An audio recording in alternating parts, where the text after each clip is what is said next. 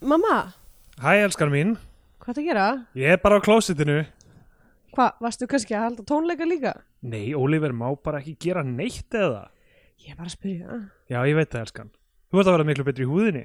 Mamma, Ertu að drekka nóg vatn? hættu Ertu songur? Hættu Ég ætla að gera eitthvað fyrir okkur að borða. Í Bíotíu dagsins tökum við fyrir kvikmynd Ásker Sigurssonar og Anton Karls Kristensen frá 2022 Harmu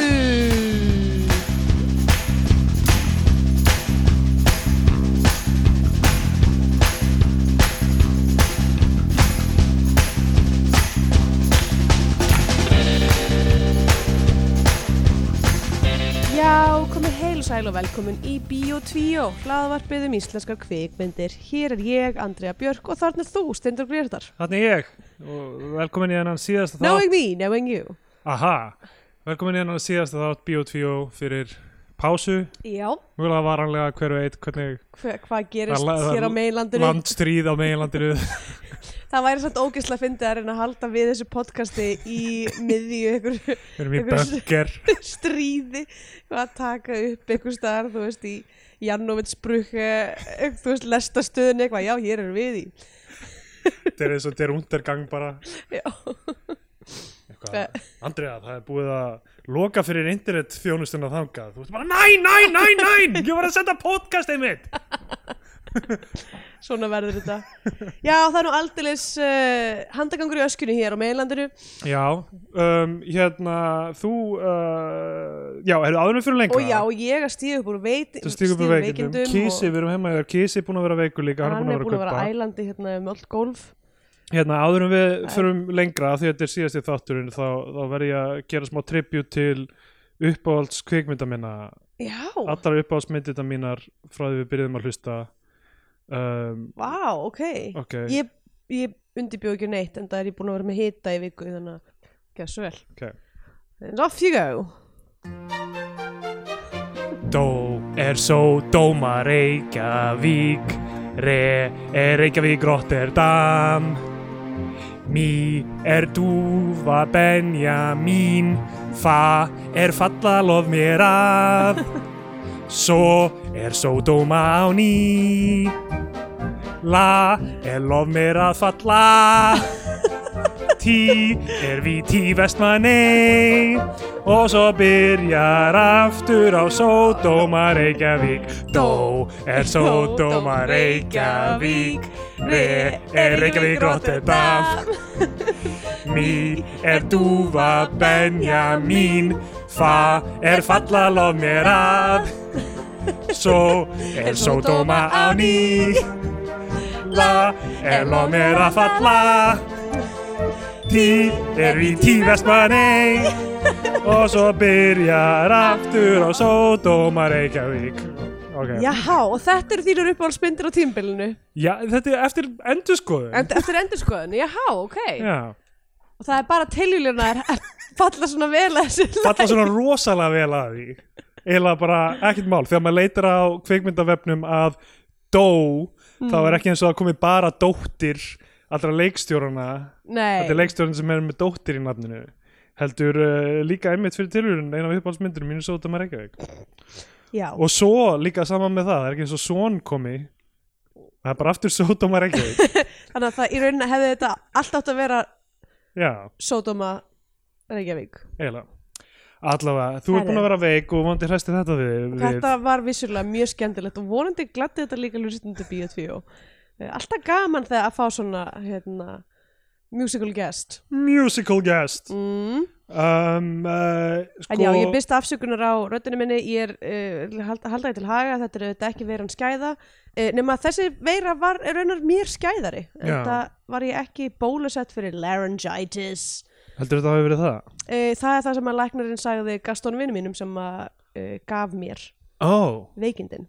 hvað, hvað er það? Hvað Það- er það? Ég hef heyrt þetta orð en ég veit ekki hvað það er á íslensku uh, þetta er sko, ég fletti þessu upp á íslensku og það heitir barkabólka sem Ah, ég hef shit. aldrei heyrt um en einhvað síður þetta er eitthvað skonar sýking í rattbóksinu sem að hendar mér einstakleitla verandi performer Já. um, og eins og heyrist í dag að þá er hérna litli síklir núna í mínu, mí, mínu, mínum rættböndum. ok Klífur, klífur upp og niður rættböndi mín. Mjö, mjö. um, áhugavert að ég held að þetta veri kvef Jú, jú, hve- ég menna þetta er, jú, jú, þetta er kvef svo sem.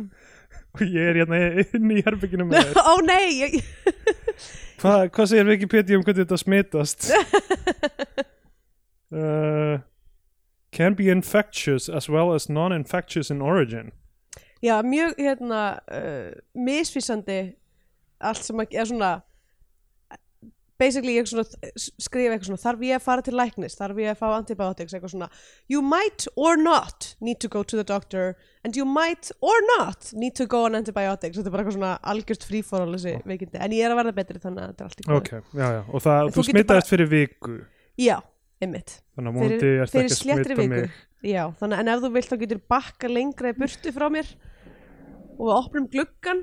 það getur verið sniður hvílíku þáttur uh, til að taka upp saman Eh, um, uh, hérna uh, já, þú ert búin að ve- vera veik þú mistir af síningu sem þú ættir að vera í með mér Já, á ég misti af tveimur sýningum mér þess um, mjög leðilegt fyrir mig. uh, að ég segir smá frá þeirri síningu Já, endilega. um, hún, hún gekk fínt og eitthvað við söknum við þínu þetta en sko, smá baksaga uh, ég var í partíi fyrir einu og hálfu ári oktober 2020 Vá, rétt fyrir Hva- Hvernig manstu svona hluti? af því að ég er með kvittanirnar upp á þetta allt saman Mm. uh, hérna rétt fyrir 2020 nei, re- oktober 2020 rétt fyrir lock, nýtt lockdown hérna sko. Já, einmitt. uh, og A-tími. Já, þetta er heima hjá átnavinn okkar Já. og uh, þar uh, er fullt af hre- hressu fólki sem kemur inn eitthvað tengt meðlegjenda hans og eitthvað þannig Mm. og allt í hennu mætir inn í eldhús einhver gaur sem ég aldrei séð aður Mm. og, og ég eitthvað hæ eitthvað svona helsa nýja fólkinu og hann grípur í höndina mína og rí, rífur hann og eitthvað ég ætla að lesa í lófaðinn og byrja bara, þú veist, er þessi lína hún táknar að þú sett mjög opinn og bla bla eitthvað svona Já. er ég alveg tíu mínútur bara hel, rík heldur í höndina á mér Úff. og ég eitthvað vámaður, eitthvað gekkja hvernig lærið þér að lesa í lófa? hann eitthvað, ég kann ekki að lesa í lófa Ah, ok, Og svo- hrestýpa. nei, hann var, hann var mjög fyndin og skemmtilegur sko. Ok. en uh, líka mjög uh, í mjög annarlega ástandi og að reyna mjög fast við mig líka Já, ok. og hann er eitthvað nýfluttur frá New York og, og hérna og bara mjög mikið útofnu tilbúin að kynnast fólki og kemur beintin í eitthvað, þú veist, lockdown og Já, já, og svo þegar ég er að fara, ég er eitthvað að fara mjög stemmur úr þessu partí, fólk ætlar að vera eitthvað að djamma lengi og eitthvað og ég, ég eitthvað svona segi bless við hann og hann eitthvað, heyrðu hérna viltu ekki, þú veist eitthvað, koma að eða eitthvað? Og ég eitthvað, ég, ég er í sambandi og eitthvað, gengur ekki. Já. hann er eitthvað, ok, en, mér langar bara að vera vinnuð þinn eitthvað, ég er nýkomin í bæinn, mér langar að kynast fólki og eitthvað svona, ég er bara mjög til í það, mjög skemmtileg þetta, mjög fyndið sem þú gerðir með að lesa í lofan Ok. Og hann, hérna og ég læt að fá númerið mitt. Og svo fyrir ég heim og sopna og svo uh, byrja ég að vakna við símtöl. Og ég fyrir að skella á. Akkur símið minn alltaf hringi eitthvað svara eitthvað, ei, ég er svoandi, skella á.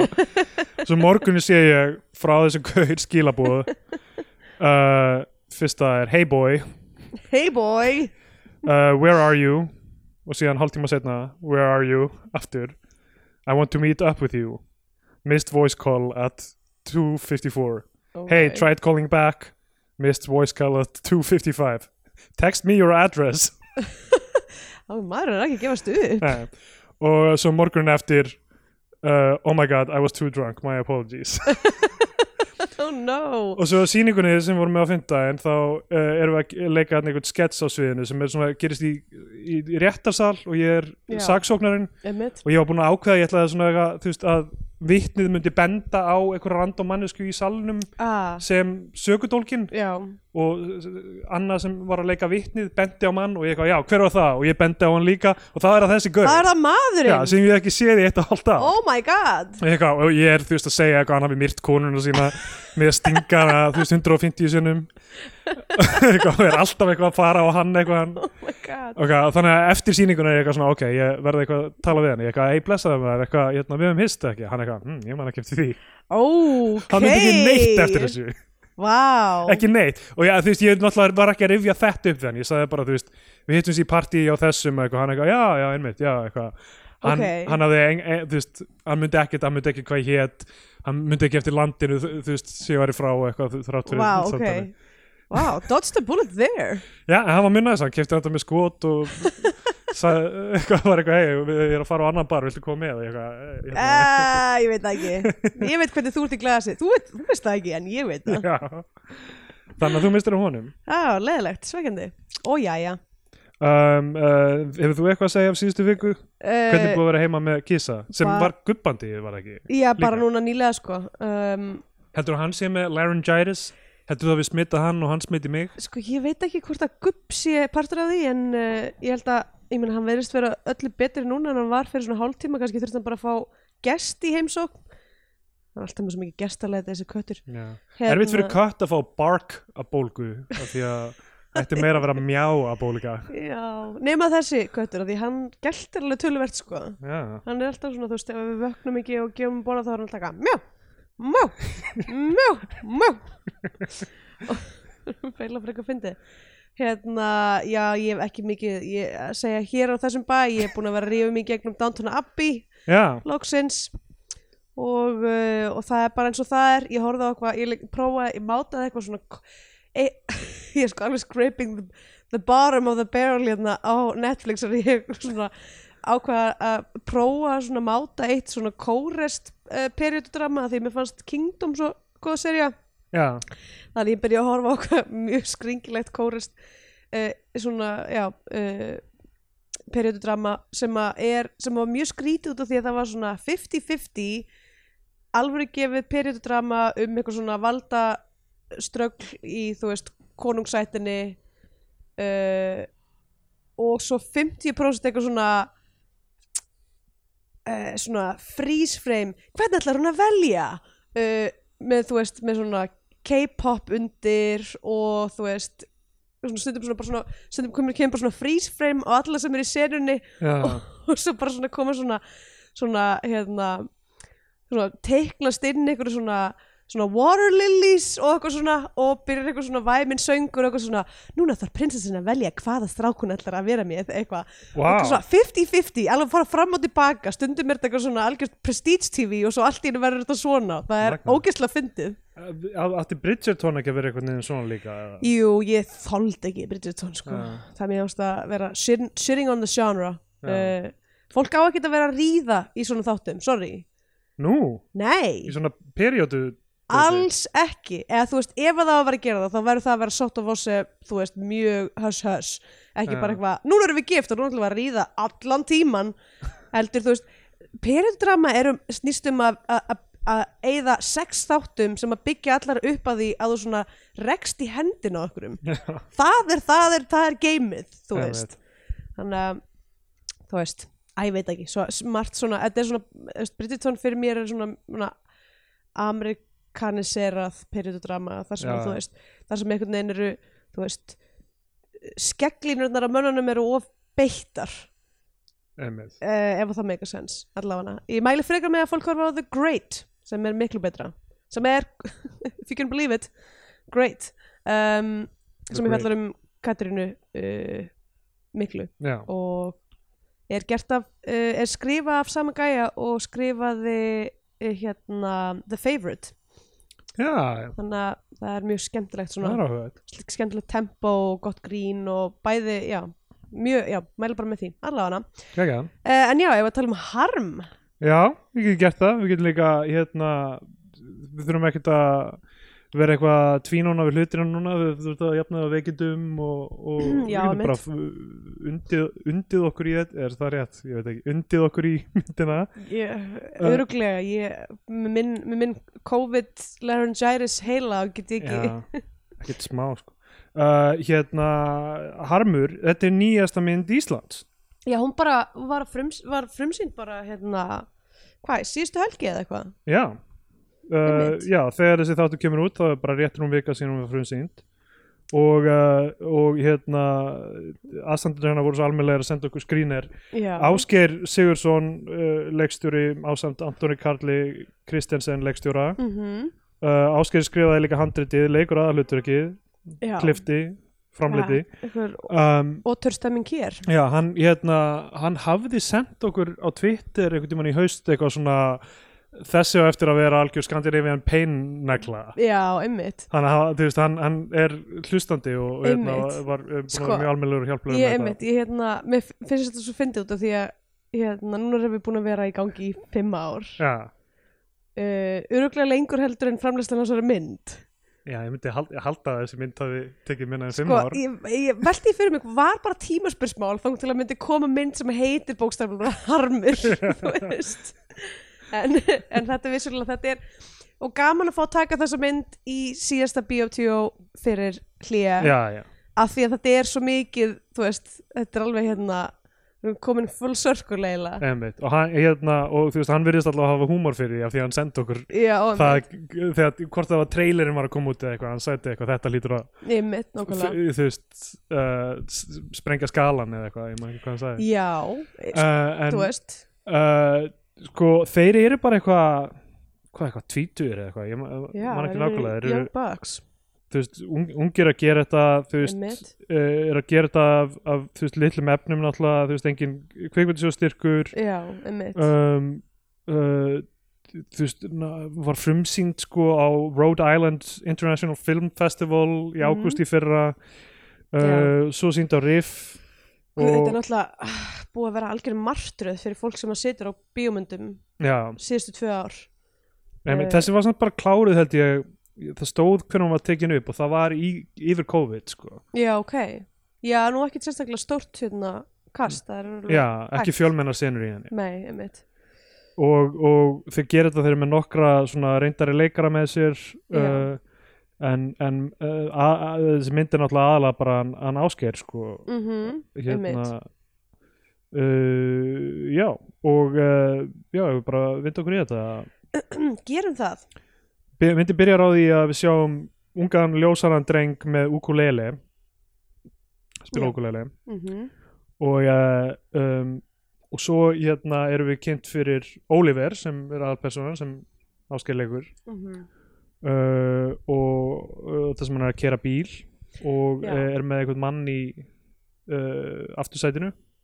Einmitt. Sem er eitthvað, það er eitthvað stress það er eitthvað, eitthvað svo, bróðir hans í hættu og eitthvað. Mhm, sem er svona uh, greinilega sko uh, flash forward eða sem þetta uh, já, já, er það fannst þetta greinilegt ég var ekki alveg í, já, eða þú veist, strax svo næsta sena já, kemur já, já, þá, þá fattar maður þá það fattar já, maður það. já, einmitt, já, þetta er og eitt sem, sko, veistu hvar það er ég var svo mikið að reyna að því ég var eitthvað svona fyrst, fyrsta hugsunum mín var bara svona ok, ef þessi mynd opnar á keflaugu vegi þá er það, já. þú veist, þá væri það gengjað uh, en hérna ég hugsaði það en ég var ekki viss. Nei, ég var ekki viss heldur en eitthvað, kannski já. einhver partur af þessu? Ég er ekki alveg viss allavega það er rosa mikið af bara svona löngum keirasenum Já. bara svona, svona ljó, ljósin á veginum dæmi. Uh, löng, já, löng skot af já, bara veist, margar mínútur langa löng bara, veist, hérna eru mm götuljós og, -hmm. og hérna um, og uh, já, hvað, hvað ætla ég að segja? Já, það, þú veist, eh, kannski hefur það eitthvað með tíman sem hún var skotin á að það hefur gengið vel, þú veist, það hefur verið lítil næturumferð já, einmitt, nákvæmlega. Það er bara, þú veist, borgin er tóm, sko, í þessum senum því einmitt. virðist. þetta er nákvæmlega. alltaf uh, magnað og sérstæð sko. Uh, sko kemur ljós að ljósari strákurinn er litli bróðir hans og hann á ammæli og uh, um, hann fær Oliver gefur honum gamla síman sinn í Já. ammæliskjöf einmitt. Sem er með hvað brotnum skjá. Já, já. Uh, eða þú veist ekki mikið brotnum. Mér þetta var svolítið skrítið að því að set, setna brotnar hann meira held ég, ég var ekki alveg, ég var ekki alveg að fatta allavega. Hann svona fyrst lát, eh, lætur, lætur bróð, stóri bróðurinn eins og hérna, eins og hann sé búin að gleyma ammælinu og svo er hann eitthvað, ei, ekki að gefa hann síma eitthvað, Við ætlum að kannski að segja að þessi mynd alltaf er í bíó núna þannig að fólk er fara að sjá hana þá í, independent íslenska kveikmyndagerð þá er þetta að gera það. Ég segi það, e- ef að þið hafið einhvern á á að fara að kíkja á þessa mynd, gera það þá og koma síðan tilbaka og hlusta á þáttinn. Já, já, þá erum við segjum frá öllu sem, sem er í henni sko. Já, einmitt. Um, og svona það sem við erum að fá hérna í þessum establishing senum er þessi fjölskylda sem er, þú veist, mamman og uh, litli bróðurinn og þessi aðalgæi. Um, hann Oliver. Ég ætla að sé fugglastriði í Lumburskói uh, reffi. Ég veit ekki hvort það sé reffi en hérna, ég held að sé þú veist, ég veit ekki hvort það sé bara okkar kynslu sem getur ekki heyrt nafni Oliver eða Ólafía og vitað hvernig hann er uh, en eða hvort að þú veist allir, allir hugsa þetta? Já, kannski Um, ég hugsa stundum um uh, Oliver uh, skemmtistæðin, veitingastæðin sem var á laugavegi núna Lebowski bar já, um, ég fór mjög mikið á Oliver ekki til að djamma en það voru öðru hverju voru pubquiz Hmm. og svo í hátinu því ég vann í fjármálaræðunitinu þá var rosalega gott að fara á sólríkum dögum í á þarna portið Já. Oliver já, ég, ég, þetta er ekki beint svalir þetta er einhvers konar verund þarna, sem er alltaf ennþá í bar einmitt. Og Oliver var með svona skýtsamlega hotlan mat, þú veist, eitthvað svona kjúklingabring og rísgrún, eitthvað, salat. eitthvað salat og eitthvað, þú veist, sem að var allt í lagi prís og maður gætt setið þarna og sóla sig og borða, rice and vegetable eins og Númi í sjókvöld myndi segja. Já. Uh, hvað hva fleira myndi hún segja hún myndi náttúrulega taka hérna uh, tómatsósu flöskuna og bara tundra henni í borðið þannig að skjótist tómatsósu borða franskar með gilnöglum allavega. Já, það var góð staður. Eða þú veist, hann var ekki góður en hann var ok. Á- já, var skýsamlegur en hérna, svo þú veist, held ég áfram að fara til að ná le- á leið báskipaðar en þá þurftum maður að borða, þú veist hambúrgar og franskar og shake já, hambúrgar sem heitir eitthvað svona The Heartstopper eitthvað Þetta er þess að fyndi tímabila sem allir hambúrgarnir stýrist um bara þú munir deyja Já, og kransaðist í blu þessi hambúrgar er hann er til þess að já, Já, veist það er annarkvort það eða þeir heita eftir einhverjum tónlistamanni eða einhverjum svona uh, harði já. jaksl gott ef að hambúrgar Lebowski heiti ekki allir eftir bara karakterum úr. Lebowski þeir heita eitthvað Walterinn eða eitthvað já, The Dude og, já, uh, Donnie og svo eru þetta, ég ætla að gíska á að hambúrgarinn Maud sé eitthvað svona kjúklingaborgari. Já, eitthvað fyrir konurnar. Svo nýjelista borgarinn þú færði ekkert, ekkert. Það er bara tómar skál. já. Um, Bunny borgarinn þú færði bara eina tá. Nei, þú færða hambúrgara en það er tá ykstaðar í já, menn naglaði ekki. Já. My girlfriend gave up her toe Ah, Svona verðum við í bankjarnum líka með þýskar heimin okkar. Já, mitt, Ég trú ekki á neitt lengur, skilur þú meina Nei, ég meina, satt. Hei, satt.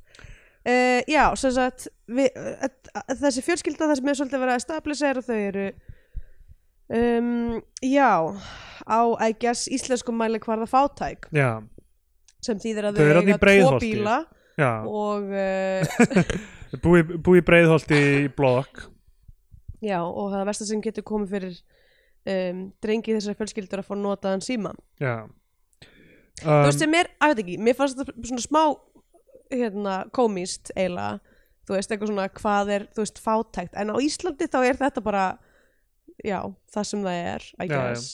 Um, og, þú veist, hvort sem að maður er eitthvað lower middle class eða bara actual í raunverulegri fátækt, að það var það aldrei gaman fyrir börn á, á skólaaldri en það er það, þú veist, fá að komast að því mjög hratt að það staði verið að leggja hennar stráki í einelti og, Já, það, þeir segja að pappi hans í Róni.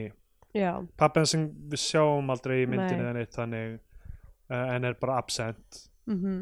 Og uh, hérna kemur ljós náttúrulega sko það fyrsta, fyrsta sem gerir síðan er sko Oliver, honum er sagt upp í vinnunni. Já, uh, hann vinnur að mér sýnist hjá fyrirtæk sem heitir Rafvirki EHF samkvæmt því sem stættur á já. veggjunum. Mjög flott sett uh, sem að að hann kemur hérna að opna og taka til á, Já, á þessu verkstæði og hérna uh, að ekki, mér finnst bara svona skemmtilegt svona æfintýrlegt sett sem að, að því við fengum svo mikið að staflisins skotum að því. Og vissulega fengum við hérna smá svona setup fyrir setna í myndinni þar sem það er mjög mikið að skotum á alls konar hömrum Já, Tjekovs hamar. Uh, hérna uh, Ein sko, en, en varandi kvikmyndatökuna, ég hef ekki segja strax sko, náttúrulega eiginlega öll skotin þessar myndir eru close-up sko. svona, svona medium close-up. Já, meet you, ást, jú, það er nú alveg einhver, einhver aðeins við þeirra skot en það er mikið, aðalega, já þetta er, þetta er, þetta, þessi mynd er up close and personal. Já, já, annar hlutur, auðvitað náttúrulega, þú veist, veit ekki ég er ekki, alls ekki að vera með leiðindi segjandi þetta, því að þetta er svona mynd sem er gerð, þú veist, independent og hún er mjög Já, flott. Fyrir, fyrir, það sem, fyrir það sem hefur verið þið hafa verið að vinna með, þú veist þá er þetta mjög vel gert og líka bara, þú veist, þetta eru ungir hérna, þú veist, nýri í leiknum uh, bara, þú veist mjög svona professional gerð fyrir allt það að því sögðu í heiminum sem við búum í í dag og ég veit að þetta er list og það má alveg, þú stílisera eru ekki rautt ljósors og blátt ljósors í hverju einasta herbyggi. Já, já, þú veist, hún er líst eins og tónlistamindband einmitt. Og það eru til fleiri gél í heiminum heldur en rautt og blátt. Já, já, um, þú veist það var bara svona þú veist, auðvitað er gaman að stílisera eitthvað en bara á einum, einhverjum tímapunkti er ég bara eitthvað það er ekki séns að þessi gangur þarna fyrir utan sé blár og þetta herbyggi hérna inni sé raut hættu þessu. Uh, og ég er ekki að segja ég hafi ekki sjálf notað svona gel og bara þú veist, bara allt er lægi en hérna en, uh, en þú veist að því að síðan, síðan er plaggatið veginn mjög flott svona, þú veist, í einhverjum svona kremlitum og eitthvað svona og það er bara ekki að sjá það í myndinni held ég sko á tímabundi en um, hérna Já, Anton sko sér um kvikmyndatökuna eins og leikst, leikstjórnina með áskeri er, þú veist, þetta er í rauninni gert bara af sko svona fjórir gaurar sko. Já, veist, að, Halldór Ísak Ólafsson uh, framleiðandi sem, sem hljóðhönnun líka og svo Elvar Birgir Elvarsson með framleiðandi með búninga líka. Einmitt þetta er í rauninni fjórir Gott og síðan er- eru tó- gott ef- tónlistin eru aðrir síðan sem, Já, en gott ef að þú veist eins og bara litgreining sé ekki líka í þeirra höndum og Já, þetta er bara algjörlega, þú veist, og ég meina bara mjög vel gert fyrir það, myndi ég segja. Eh, og, það, og, það, veist, og það er sko það er mjög held ég skiljanlegt að það sé ekki veist, margar hugmyndir í gangi þú veist, varandi tökuna einmitt. eða lýsinguna eða eitthvað þannig einmitt, af því að, hérna, af því að þú veist, já, en, en, eins og við segjum fyr- fyrsta verk og allt það. Já, já, einmitt. Um, en líka, að ég veit ekki, ég hugsa sko þú veist, að ég bara svona eitthvað hugsa með eitthvað, að maður er með, þú veist, kannski ekki eitthvað endalust af hlutum í tækilegunni eða þú veist, já, að ég veit ekki, ljós eru mistýr og þú veist, það er ekkert endilega auðvelt að gera öll ljós flott og eitthvað svona, ég er bara, ég er bara að gefa hérna, þú veist algjörða uh, um, sko Svo velti ég fyrir mér hvort að, að því að þú veist það var tímabil að því ég, ástæðan fyrir tek svona mikið eftir þessu er að mér finnst að rosalega margir eru að vinna með þetta. Þú veist, núna síðust nokkur ár þú veist, að vera með svona stíliseru ljós til þess að svona establisa, þú veist, back og foreground og eitthvað svo leðis og þú veist, og ég velti ég fyrir mig hvort að fólk hafi tekið jafn mikið eftir þessu, þú veist, til dæmis í 80-sinu, þú veist, þegar eitthvað Michael Mann var að, já, já. Þú veist, hérna, fara geist og hérna, Einmitt, og hérna, ég var horfði nýlega á American Gigolo. Já, hérna, Paul Schrader sem sko það sem þessi hérna Venetian Blinds áhrif eru fyrst einmitt. svona að koma sterkina sem eru svona rimlagardínur. Og ég, Rimlagardinu skugginn, 80s rimlagardinu skugginn já, hún, hún er náttúrulega gerð í lók 70s, hún eiginlega bara er eina Já. fyrstu svona sem startar þessu trendi sko, og lýsingin sem og svo er það allstaðar Já, um, og svo er svo náttúrulega núna er allt þetta throwback dæmi sem er í gangi, veist fólk að reyna að gera nákvæmlega þetta um, hérna þú veist, ég verð að fara að horfa á Drive aftur en Drive til dæmis sem sko tekur í rauninni plottið frá uh, 70s myndinni The Driver, Walter Hill mynd mm. bara al, alveg eins, Já. karakterin er alveg eins og svo er alltaf aesthetikinn og tónlistin er svona 80s, Já. svona neon uh, syntha stuff og eitthvað svona ég, og ég velti fyrir mig hversu mikið þú veist, af því að ég fílaði hana þegar hún kom út sko, og náttúrulega, þú veist, fyrir svona fyrir svona mynd sem er svona stór þú veist, og fyrir svona víða þá eru náttúrulega að kynna rosalega margar hugmyndir fyrir breiðum áhörndahóp já, en þú veist, núna held ég bara eitthvað, ok, þetta er bara eins, þetta er bara pastís, þetta er bara eins og þetta er bara sama og Tarantino gerir og, já, og já, þú veist, er að taka þessi áhrif og og, nú, og þú veist að því hún eftir tónlistamindböndi það er alveg magna hversu margar myndir eru einmitt nákvæmlega með þetta tónlistamindbandalúk mm. og suma myndir líta bara út eins og þú veist, uh, hérna þú veist, auglýsingastofa hafi gert þær og já, einmitt, nákvæmlega. Já, ég meina þú veist, rosa mikið af veist, af leikstjórum byrja í tónlistamindbundum og vinna sér síðan upp og sama með, þú veist, byrja kannski hjá auðlýsingastofum og vinna sér síðan upp og þú veist, og það er, ég meina, þú veist, eins og það hafa samt alveg komið góða leikstjórar út úr því, þú veist, Tony Já. Scott var auðlýsingaleikstjóri já, algjörlega. Uh, en en já, ég, eða, þú veist, ég held að kannski ef maður er búin að vera of lengi í því þú veist, þess að mér skætt erfitt, ég hugsa á þess að ég leikst að tónlist er bara integral hlutur af öllu sem ég langar að gera. Já, já, og, veist, og það geta svona, bara svona shake it off veist, þess, því sem maður er svolítið harnaður í alltaf að shake it svolítið erfitt. Fe- hérna, fyrst að nefndi Tony Scott ég var að horfa á Deja Vu í gær Mm. sem ég hafði aldrei séð. Og uh, Denzel Washington uh, já, einmitt, deja vu. hriðjuverk í New Orleans. Já. hún er frá þessum tíma þar sem allt var appelsnugull í Já. Og, og það ég, var nú alveg tímbil svona cirka 2002 til 2006 þá voru allar myndir greitaðar eins og það verið að gerast í Eðimörk já, já, og núna er þetta bara notað fyrir Mexiko, núna táknar þetta bara Mexiko eitthvað, eitthvað, eitthvað svona bíl keirir bara suður gegnum landameirin þá bara breytist greitingi en hérna þessi mynd, hún, er, hún var svo bonker sko, þú veist, handritið premissan er fáranleg og ég ætla ekki að spoila því núna ef einhver vil horfa á Vu. Alveg þess virða að horfa á hana uh, en, en hérna það fekk mér samt til að hugsa hvað, hverjar eru góðu Tony Scott myndunar ég hef ekki séð The Hunger, ég vissum hún er góð. Mm. uh, hef lengi ætlað að horfa á hana. Uh, True Romance fannst mér góð en ég vissum að hún er ekki jafn góð og í minningunni. Mm. ég vissum að það er eitthvað svo toxic við hana. Ég menn hún er skrifað af Tarantino. Já, já Top Gun var náttúrulega, þú veist, áróðursmynd en já, ég nefnilega sko, þú veist, ég gat ekki ég tengi ekki við Top Gun, ég hef aldrei getað tengt við Top Gun og ég elska Val Kilmer já, já, þú veist, og ég elska Tom Cruise.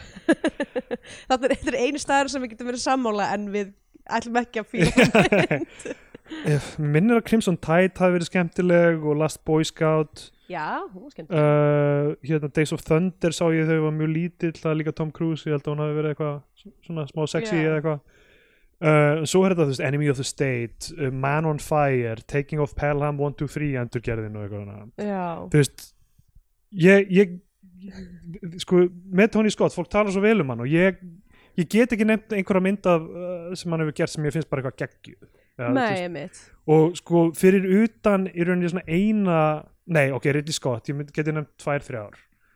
En Ridley Scott er samt alveg gaur sem ég hérna, sem þú skilur ekki. Sem ég, þú veist, sem ég talað um sko ég veit ekki, ég, ég þarf að horfa aftur og allt þetta dót sko. Já, Scott er bara einn af mínum uppáhals sko.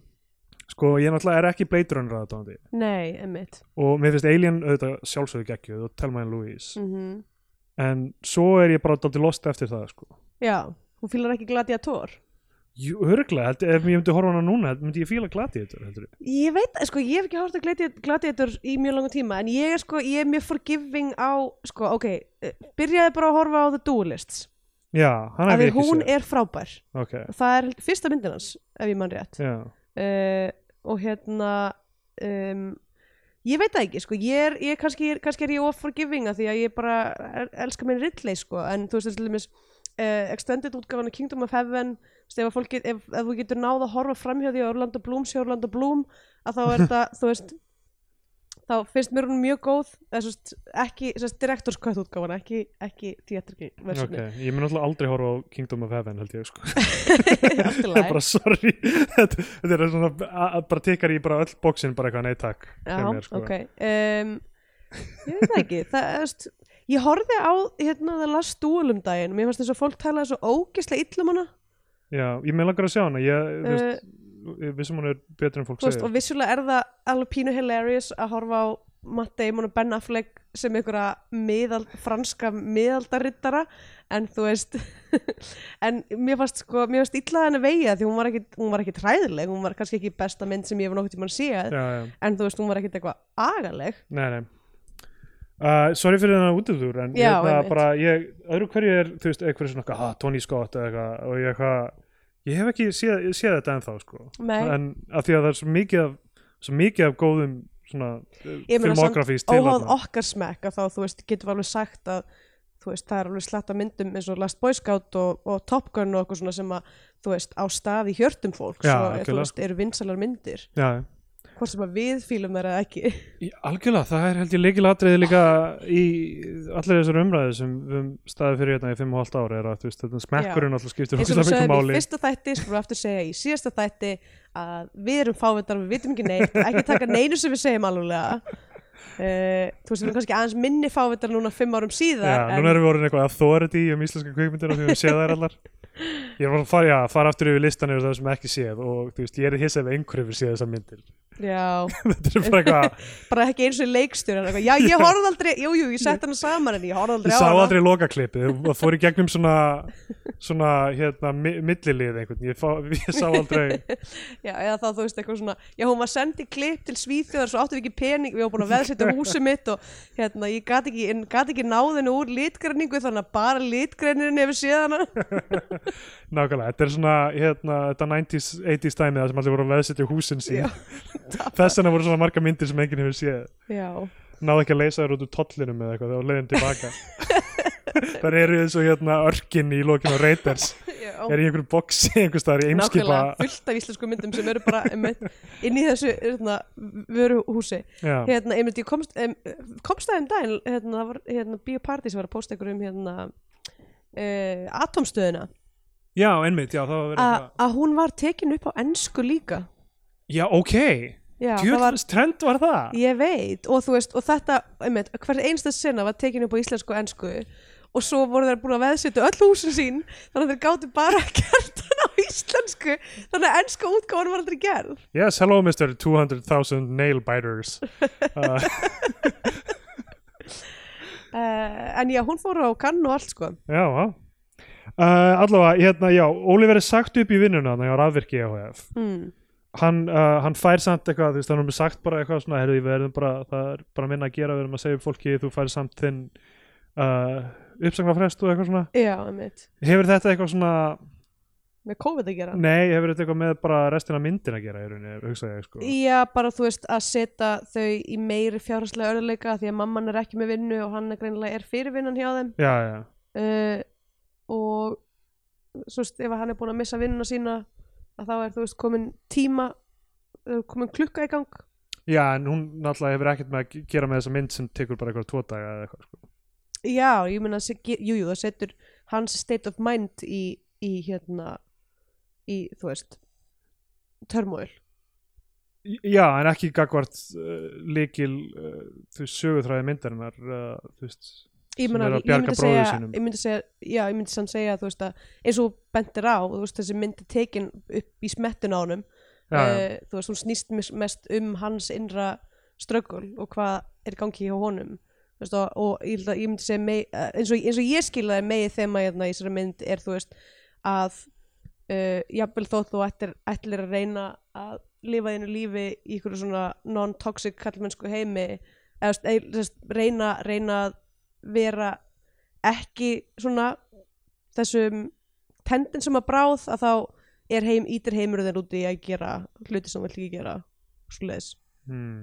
eða þú veist, hann er að reyna að vera þú veist uh, góður um, sagt, bróðir og styðja við fjölskyldunum sína og þú veist, hann eða, þú veist, hann svona í fyrirluta myndarinn finnst mér hann rosa mikið vera að reyna svona vera svona hinn mjúki maður einhvern veginn, þú veist. Og svo náttúrulega fer allt á hliðina í setjumluta myndarinnar já, já, kannski tölum við þetta í lokin sko, Mm. ég veit ekki alveg hvort ég tengi við þennan lestur sko. Ok, um, sko, já, hann, hann, hann er rekin svo fyrir, kemur hann heim þá er mamma hans að spila eitthvað teknóin á klósetti. Hann, er, hann er eitthvað, hei mamma hvað er þetta að gera? Hún er eitthvað, ekki neitt. Ég er bara að kúka. Svo fer hann inn og finnur hvít duft á, á kortinu hennar. Já, hann að veita að hún er fallin, hún hefur áður verið í neyslu uh, og kemur ljós þarna hún er uh, fallin. Svo í næstu senu kemur ljós strákurinn í einhelti af því að pabbi, pabbi er að kallaði Róni uh, og svo fara þeir að bóka safnið mhm um, var eitthvað sérstæð sem Já, gerist ég held þar? að þessi, ég bara, það er svo, það svona nokkra hlutir í, í þessu þessu síkvensu sem eru þú veist, svona eitthvað, eitthvað setja upp hann er, veist, hann er að reyna að brjóta þú veist, eitthvað generational já, já, situation, þú veist, og hann er að fara með bróðu sinn á bókasafn í staðan fyrir eitthvað að fara með hann í sjoppu eða whatever, þú veist, hann er að reyna að gefa honum annað líf. Já, já, uh, en þú veist en, en ég held að það sem er að reyna að vera að segja er að þú veist, að- það er of seint fyrir hann persónulega, Þú veist, hann er búin að lifa í gegnum ruggli í mömmu sinni og þú veist, og pappa sínum sem að kemur sinn setna í ljósa var einmitt. Og hérna og þú veist og hann er að reyna að brjóta, brjóta þetta sækul að br litli bróður hans verði líka einhver svona toxic kallmennsku að bráð þannig að hann er að með hann á bókasafnið. Ok, ok, ég held ég skilji betur hvað þú menar um, hann er að kalla mömmu sína öllum íllum nöfnum alveg frá byrjun já, jú, hann er náttúrulega bara já. um, hann uh, já, hann uh, ok, eitt þetta með þryggja mánu uppsöknarfrestin er hann ekki, hann segir hann sé, hvo- hann vinnur um helgar, er hann er, er þryggja mánu uppsöknarfrestin á já, hlutastörfum? ég skil ég, ég að segja, sko mitt, get sagt bara spoiler alert núna uh, mitt stóra issue með þessa mynd er það að uh, hún er bara hræðilega klift sko. Hún, þú veist, hún er klugtími og þrjú korter. Þeir klippa hana sjálfur leikstjórnir sem voru með í öllu þarna sko, Mhm. filmuð allt sjálfur og allt það. Já, það þarf bara kill your darlings í þessu dæmi. Já og þú það, ert með einhverja þú veist fimm mínúta senu þar sem hann er rekin og eitthvað og hefur ekkert í rauninni að gera með þú veist atbyrður ás myndarinnar annað en þú veist steik sem við eiginlega sjáum að þau eru fátæk til að byrja með sko. Mhm. er, er bara brotin sími í gjöf er nóg sko. Bara burt með það að senu sko. Þú Mhm. ert búin að missa fimm mínútur annað sko. Og Já, ég meina, ef ég, ég þyrfti að klippa niður hluti þá myndi ég ekki byrja þarna, sko, þá myndi ég byrja á fimm mínúna senni þar sem þeir eru að keira ártinsbrekkuna. já, ég, já, hún líka sko. en þú veist, hérna, það er alveg heilar tíu myndur einhvers starf með miðbygg myndarinnar það sem ekkert ekki einn ein, ein hlutur gerist já, það sem er ekki, þú veist, það er eiginlega ekki manneska í mynd sko. Nei, emmitt, sko, og, og það er eitt með þetta og ég veit ekki hvort það hafa kannski verið að reyna það, en þú veist, svona mikið að falli um svona compositions, af því það er ekki mikil hreyfing í myndinni, það er ekki, það er ekki svona, já, það, ég myndi segja, þú veist, það er miklu, miklu meira um statiska ramma sem eru bara mjög svona stíliseraðir já, já, um, en þeir eru því miður ekki notaðir vel af því það vantar, veist, ef þú ætlar að vera að vinna með eitthvað þú þarf að vera að vinna með eitthvað tension í rammanum, já, já. þú veist, af hverju erum við að sjá þetta? Ef við erum bara að sjá þetta að því að þetta eru fallega línur á skjánum, það er ekki nóg. Þá getur ekki verið Já, þá er þetta bara myndlist sko. já, emmitt nákvæmlega. Um, og þú veist, það er vand með farið að, að gera þetta, þú veist, þannig að ég skil vel að það kannski gekk ekki alveg upp en hérna, en það er bara allavega mín, mín, mín, mín upplifun um, sko, þetta er ennþá ammælistæðurinn hans. Mikið búið að gerast. Að þau koma heim eftir bókasafnið það er kvöld ammælistagsins já, og, uh, og hérna og það er plokkfiskur í matinn og uh, uh, Oliver fer í bað og uh, já, ég man ekki hvort það er eitthvað fleira sem gerist þar sem hann, hann er full hann er full út í mömmu sína ásker sko, sem náttúrulega var að taka kók í hátinu eða eitthvað, ég veit ekki. bara fyrir um daginn og og það var búið að svo líka þarna kortið sem hún var að nota. Það var kort frá okkur svona skemmtistað eða svona sem við munum síðan sjá setna já, já, einmitt. Um, mér finnst það mjög flott hérna uh, product design.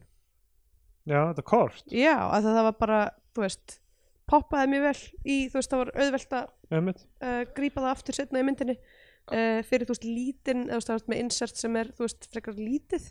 Að að vera færum að greina þú veist eitthvað, ah ok, þetta er litla einna, þú veist um, nafnspjald. Sem maður ekki búin að tróða upp í skjáin ótrúlegt með hvað andlitunum og öllu með tróða upp í Já, skjáin og þá var, það, þá var þetta eitthvað svona medium skot allavega. Hérna, hann, hann sýnir litla bróður sínum uh, eitthvað svona medúsu hálsmenn já kom það eitthvað meira nei, eða sko mm, hann segir honum ekkert eiginlega um medúsu. Nei, eða hann sko pannið eitthvað neina eitthvað, já það er þessi sem er snákahárið. Já, ok, ég held að þetta var eitthvað svona thematíst eitthvað svona pæling eitthvað ég held það þú líka veist, ef þú horfir á, á þú veist, á manneskuna breytist í stein er það ekki dæmið hennar eða eitthvað? Jú, já, þú horfir í augun á henni að breytist já. stein. Um, Jú, ég meina kannski er það bara það að þú veist, ef þú horfir í augun á, á þú veist, erflikum heimsins að þá harnaru einmitt. Mér, mér finnst, já, það er ekki alveg nóg að setja bara eitt, eitt táknáðna Nei, ég meina, þú veist, ég var, ég var að fatta þessa tengingu núna þegar ég var að segja henni upphátt sko. Ég var ekki, að því ég skrifaði sjálf niður bara, hvað- á medusa því það, því sem kom það ekkert aftur. Uh, en hérna, en svo fyrir hann í partí, það er þessi vinur hans hvað heitir hann, eitthvað Nathan eða eitthvað Já. einmitt. Uh, sem er hans foil, sem er, þú veist á fjöl, svona, eitthvað fínt hús og fjölskyldu og er í íþróttunum og hérna stab, stabil típa. þetta er náttúrulega svona breiðholtsmynd og breiðholt er náttúrulega með, an, veist, með þessa skiptingu sko, Já, eitthvað svona seljakörfið og veist að það, sé, það er fólk þar sem er mjög vel að efnum komið og, og svo fólk sem er best Já. í bökkum og, og það er bara svona ein umferðaðið sem skilur það að þú veist ekki að það sé svona svart og hvít það er alveg, þú veist, blönd, blöndu byggð að einhverju leiti, held ég, seljakörfinu og já, allt það en ég hérna um, uh, já, að það, veist, þetta er mjög mikil raunveruleiki breiðholt. Og þetta er fólk sem er að fara í sama skóla sem er, veist, bara mjög ólíka um, ég, já, ég veit ekki nákvæmlega, hvernig þetta er núna með, með en ég minna, það er náttúrulega klassist klassist hérna, þema íslenskum kvikmyndum. Já, já, og uh, já, hann fer í partí uh, hérna í, í partíinu fer hann í sleik við stelpu. Kemur hún einhvern veginn aftur eða? nei, ekki svo ég muni? Kannski um, allavega það sem að þetta hérna á bara tilstillir að hann einhvern veginn basically hefur ekki plást til að lifa sínu eigin lífi að því hann er upptökin við að vera þú veist, já, já, að sjá um fjölskyldu. Einmitt. Og svo þegar hann kemur heim þá kemur ljósa að litli bróðunars hefur verið tekin í gíslingu fyrir dópskuld. Já, og það hlýtur að hafa verið einhver rosaleg skuld sko, fyrir mömmuna sem er þú veist, einhvers konar endaneytandi á dópi. Já, nákvæmlega. Uh, uh, já, sko, ok þa þarna er ég með smá bíf við þessa mynd af því ég skil ekki sko ég- hvað hva, hva, hvað er í gangi sko? hvað er í gang eða þú veist, hvað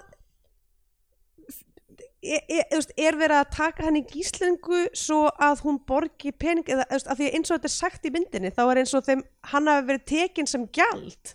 Já, og þú veist, og svo fór ég að hugsa eitthvað svona, ok, er kannski þessi pappi bara að taka, eða þú veist, er þetta er þetta eitthvað svona, hann er bara að taka batnið sitt aftur og hann er dópsali eða þú veist, eða er, þú veist, og svo þegar hann kemur þarna og sækir drengin að þá er eitthvað svona skringlegt í gangi í húsinu og ég var eitthvað að byrja, er, þú veist er þetta eitthvað svona ógeðfælt Já, já. situation já þú ég fór að hugsa er þetta eins og hérna, You Were Never Really Here hérna, Lynn Ramsey myndin uh, það sem Jacqueline Phoenix er að bjarga eitthvað, hérna, eitthvað stelpur, eitthvað svona mannsalsring já, já, og þú veist, ég fór að hugsa er þetta eitthvað hvað þannig, já, þú veist, er það áhrifið þarna? Ég sá um, hann hérna Gunnar, hann ekki Gunnar Ragn, Ragnars veist, Gunnar Ragnarsson. Hérna, kvikmyndagagrínandi, Já, í- skrifaði á Letterboxd eitthvað að greinilega væri hérna uh, saftíbræður já, og þú veist, ég held að það sé alveg þú veist, að good time sé smá, því að good time það er svona uh, hann er að bjarga bróðu sínu frá því að þú veist uh, fara í fangelsi eitthvað minni mig Mm. uh, hérna Robert Pattinson já uh, en þú veist, eru augljóslega ætti að láta bróðu sín vera og því hann er verri áhrif á hann en þú veist, játtur Já, já. réttakerfið eða eitthvað svona mm. um, og uh, já, þannig að ég fyrir að, hugsa um eitthvað svona áhrifin þarna. En þú veist, bara all, all, allt svona bara allt svona söguframvindan er bara svo með hvað þessi mynd er löng og gefur sér tíma. Já, að þú veist, ég, ég skil ekki hvernig nokkur manneska geti rakkað upp slíkri dópskuld fyrir einhverja enganeyslu að, að þú veist, að íslenskir menn í undirheimunum myndu taka badnið hennar í, í gíslingu já, sko þetta er bara, veist, þetta er ekki raunveruleiki sem nei, að þessi mynd er svo grounded þetta, bara meikar engan senn sko. líka bara, bara setja þig út fyrir bara mesta hít af hverju ekki að ringja á laurugluna þessum barnið þitt er einmitt. í gísling og eina sem þú ert er endaneitandi þú veist, þú ert ekki, það er ekki eins og hún sem er byrðir á kóki, hún sé með einhverja dílera að vinna fyrir sig eða eitthvað þannig, Nei, koma einmitt. eiga hættalend í fangjar sem þetta er leist innan ramma lagana eða líka þú veist, sko, bara eitthvað fyrir, fyrir líka þessa Já. eitthvað, þú ert að taka mest volatile hlut sem þú getur bara Já. eitthvað, bann getur gert fucking hvað sem er einmitt. bara eitthvað bara taktu bílinn hennar eða eitthvað nákvæmlega, já nákvæmlega, hún á einhvern bíl hún er þau eitthvað tvo bíla Já. Ég, veist, þetta, þetta, þetta, þarna bara er ég bara, ég skil ekki heiminn, ég skil ekki að, Já. veist, aðstæðunar sem eru í gangi. Það er rosalega erfitt fyrir mig að tengja, tengja við, þú veist Herri, ég verð samt að segja eitt með, Tilfinningalega með, með hann dreng. hann er með heldur smetti fyrir skjá. Áskeið, hann er með já, rosa flott heldur betur. andlit fyrir, fyrir kvikmyndir. Já, þeir, og þeir tveir náttúrulega bræður hann, hann er svona, svona ginger svona, þú veist, Mhm. mjög, mjög svona slank og, og hérna og, og, já, og sætur og svo litli bróðurinn með þetta, þessa ljósi lokka síðu, þetta er, þetta er gott casting sko. Og ég vissi ekki að börn á þessum aldrei getur verið með svona kjálka sko. en hann er alltaf mjög flott bara svona bara, ef maður ætla bara tala um svona andlit sem að myndavélin elskar bara, algjörlega sko. veist, 100% til ég að sjá þetta í fleiri, fleiri myndum. Bara uh, í- spennandi og gott mál sko. Mhm. hérna En, en þú veist, þetta er líka annað dæmið það sem þetta er, þú veist, í einhver svona handrita uh, hugsun myndi við vera það sem væri kallað inciting incident. Já, það já. gerist á mínútu 42 einmitt, sem venjulega kannski að ég gerast á skrifaði þetta einmitt hjá mér. ég var bara, ok, mínúta 30 let's go, call to adventure. Bara hvað er í gangi þannig að þú veist, ég, já, ég, veit, ég veit ekki veist, hvaða svona stuðningskerfið þeir höfðu áður en þeir fóru að gera þessa mynd þeir náttúrulega greinlega mm. fá ískerði elfu í þetta og, og aðra Já, já. þetta leikara sem er með reynslu sko, marga Mm uh, að þú veist að hérna, fá einhver auga á þetta handrit bara upp á upp á rithman í því einhvern veginn og mm, einmitt að- Já, einmitt. af En að þú er veist, þetta er samt líka bara spurningum, þú veist, það hefði alveg mátt klippa þetta eins hraðar þetta sem að, veist, þetta, þetta hefði ekki þurft að vera mínúta, þú veist, 40. já, veist, það er ég, ég veit, þú veist, meiri segja myndir sem eru þrýr klukkutímar, þá gerist þetta fyrr sko, að að þú verður bara já, þú verður bara að koma, þú veist það, þú veist, við, við erum miklu fljótar en þetta átt okkur á í rauninni um, maður að segja hérna, hver er þessi gaur hver er aðstæðan sem hann býr í hvað er hann sem hann vill, hann vill vernda fjölskyldinu sína, hann vill Já. vernda litla bróðu sinn og hérna, og hvað er það sem hindrar hann það er áframaldin neysla mömmu hann sko, við erum búin að ná því mjög fljótt sko, og svo var, var að segja, tókast það ég ætla aðra átt sko. hérna, segja að mér fannst, það, mér það gladdi mig að sjá að mamman var ekki alveg svona all in dópista stereotýpa. En þessin er svo óskiljanlegt að hvernig hún rakkar upp svona mikil í skurð Svo sem. hún verðist bara eitthvað að vera að fá sér aðeins í nefið meðan hún hlustar á guðskus eða eitthvað Þú veist, hún er eins og svona í alvöru, eins og svona 40.000 Íslendingar Really? Ertu með einhverja tölur um þetta? nei, nei, ég veit ekki veist, það var örugglega- 40.000 er alveg stór hlut af íslensku Ok, þjóðfélagi. ok, ok Það er það að segja mér að sé 20.000. svona mikið að kóki umferð. Ég- ég hvað, segja- er, er stundin að fara hérna, expósa núna? Nei, ég segja, fólk sem hefur einhvern tíma tekið eh, þú veist, og hlustað á danstónlist örgulega 20.000 manns á Íslandi, hlýtur að vera Ok, eða það ekki, ég veit það ekki. Að það var einu sinni ég er að tala um einu sinni Já, bara eins, ást, minnar, ekki í hádeginu heima á baði. mér finnst líka svo fyndið að við erum bara eitthvað sko, í veist, ég, hádeginu. veit að þetta er þú veist, vandamál á Íslandi en þú veist, en er þetta svona mikið vandamál að 40.000 af 350 uh, hjálpa Ok, mér, ok. hvað er það stór prósenda 40.000 var of mikið, sorry. Á, á föstu degi í hádeginu inn á baði, lusta guskus og sér þessi, kra þessi krakkar eru klikkar í dag, ég er að segja það uh, hérna er uh, þú veist, já, einmitt það er líka mjög fyndið að fá sér nefið inn á baði og síðan bara fara að elda plokkfisk. Og þú veist, það sést ekki að þú sért í vímu þar heldur sko. sem er setnum bara, ég þarf bara smá til þess að koma plokkfiskum í gang. Uh, sko, núna fyrir við aftur í byrjunarsinnuna. Það er þessi, er þetta vinur kærasti mömmunar eða eitthvað þannig sem er þarna að díla Já. við þetta? einmitt, sko Með þeim- ég hef á tilfinningunni máli er að ég, þú veist, bara kannski bara, já er að, svolítið, þú veist, að því að, því að hún er að, hún er að, þessi mynd er að vinna með að vera svona spars í, þú veist, samtölum og þú veist, meira mút og tempo og já, svona. já, Um, að þá er ekki alveg, veist, það, eins og ég held að þetta sé, er að þessi gæi, að því við fáum síðan flashback í það sem hann var að byrja að deyta mömmuna. Er það ekki? um, það sem Gaurin var að byrja að deyta Já, hann mæti með blóm og eitthvað. Já, uh, veist, hún er eitthvað að gera sér til og hérna og, hann, og svo sjáum við henni gegnum dyra síman með blóm. Já, að já, þú veist að hann sé eitthvað svona hérna, úlfur í söðagæru að hann hafi byrjað að vera að deyta hana sem bara svona eitthvað góður gæi og svo er hann augljóslega ekki góður gæi út af því að hann veit hvar batnið er og er eitthvað með greinlega með tengsl við veist, þetta, þessa dópsala og eitthvað þú veist, því að hann síðan keiri með honum.